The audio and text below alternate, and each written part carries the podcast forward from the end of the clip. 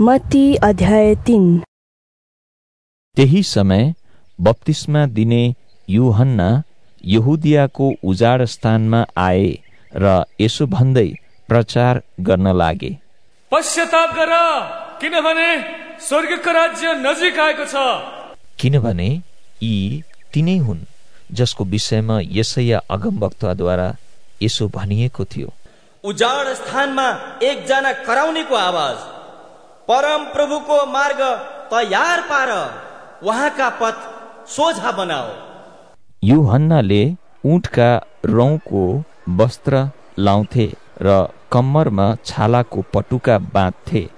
यरुसलेम र सबै यहुदिया र यर्दन वरिपरिका इलाकाका सबै मानिसहरू तिनी कहाँ गए र आफ्ना पाप स्वीकार गर्दै यर्दन नदीमा तिनीबाट बत्तिसमा लिन लागे।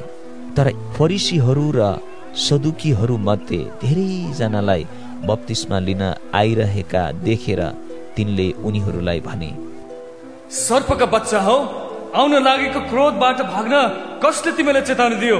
यसकारण पश्चाताप सोध फल फलाओ अब्राम नै हाम्रा पिता हुनुहुन्छ भनी आपसमा भन्ने नगर। किनभने म तिमीलाई भन्दछु परमेश्वरले यी ढुङ्गाहरूबाट अब्राहमको लागि सन्तान उत्पन्न गर्न सक्नुहुन्छ। अहिले नै रुखको फेदमा वंशहरू परिसकेको छ। यसकारण असल फल नफलाउने हरेक रुख काटी ढालिन्छ र आगोमा फालिन्छ। म चाहिँ त तिमीलाई पश्चातापको लागि पानीले बत्तिसमा दिन्छु। तर म पछि आउनुहुने मभन्दा अझ शक्तिशाली हुनुहुन्छ। जसका जुत्ता बोक्ने योग्यको म छैन। उहाँले तिमीलाई पवित्र आत्मा र आगोले बत्तिसमा दिनुहुनेछ। उहाँको निफन्ने नाङ्लो उहाँकै हातमा छ र उहाँले आफ्ना खलालाई पुरै सफा पार्नुहुनेछ र आफ्नो गहुँ धनसारमा जम्मा गर्नुहुनेछ। तर भुस जति चाहिँ ननिप्ने आगोमा जलाउनु हुनेछ तब यसु गालिलबाट युहन्ना कहाँ तिनीद्वारा बत्तिस्मा लिन यर्दनमा आउनुभयो। तर युहन्नाले यसो भनेर उहाँलाई रोक्न खोजे। बरु मलाई पो तपाईँबाट बत्तिसमा लिन आवश्यक छ। र के तपाईँ म कहाँ आउनुहुने?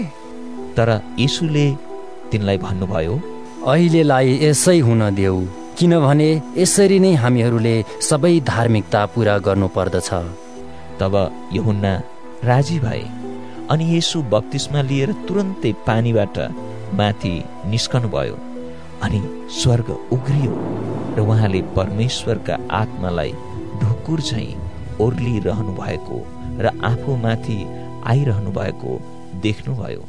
तब स्वर्गबाट यो बाणी आयो। यिनी मेरा प्रिय पुत्र हुन् यिनीसँग म अति प्रसन्न छु।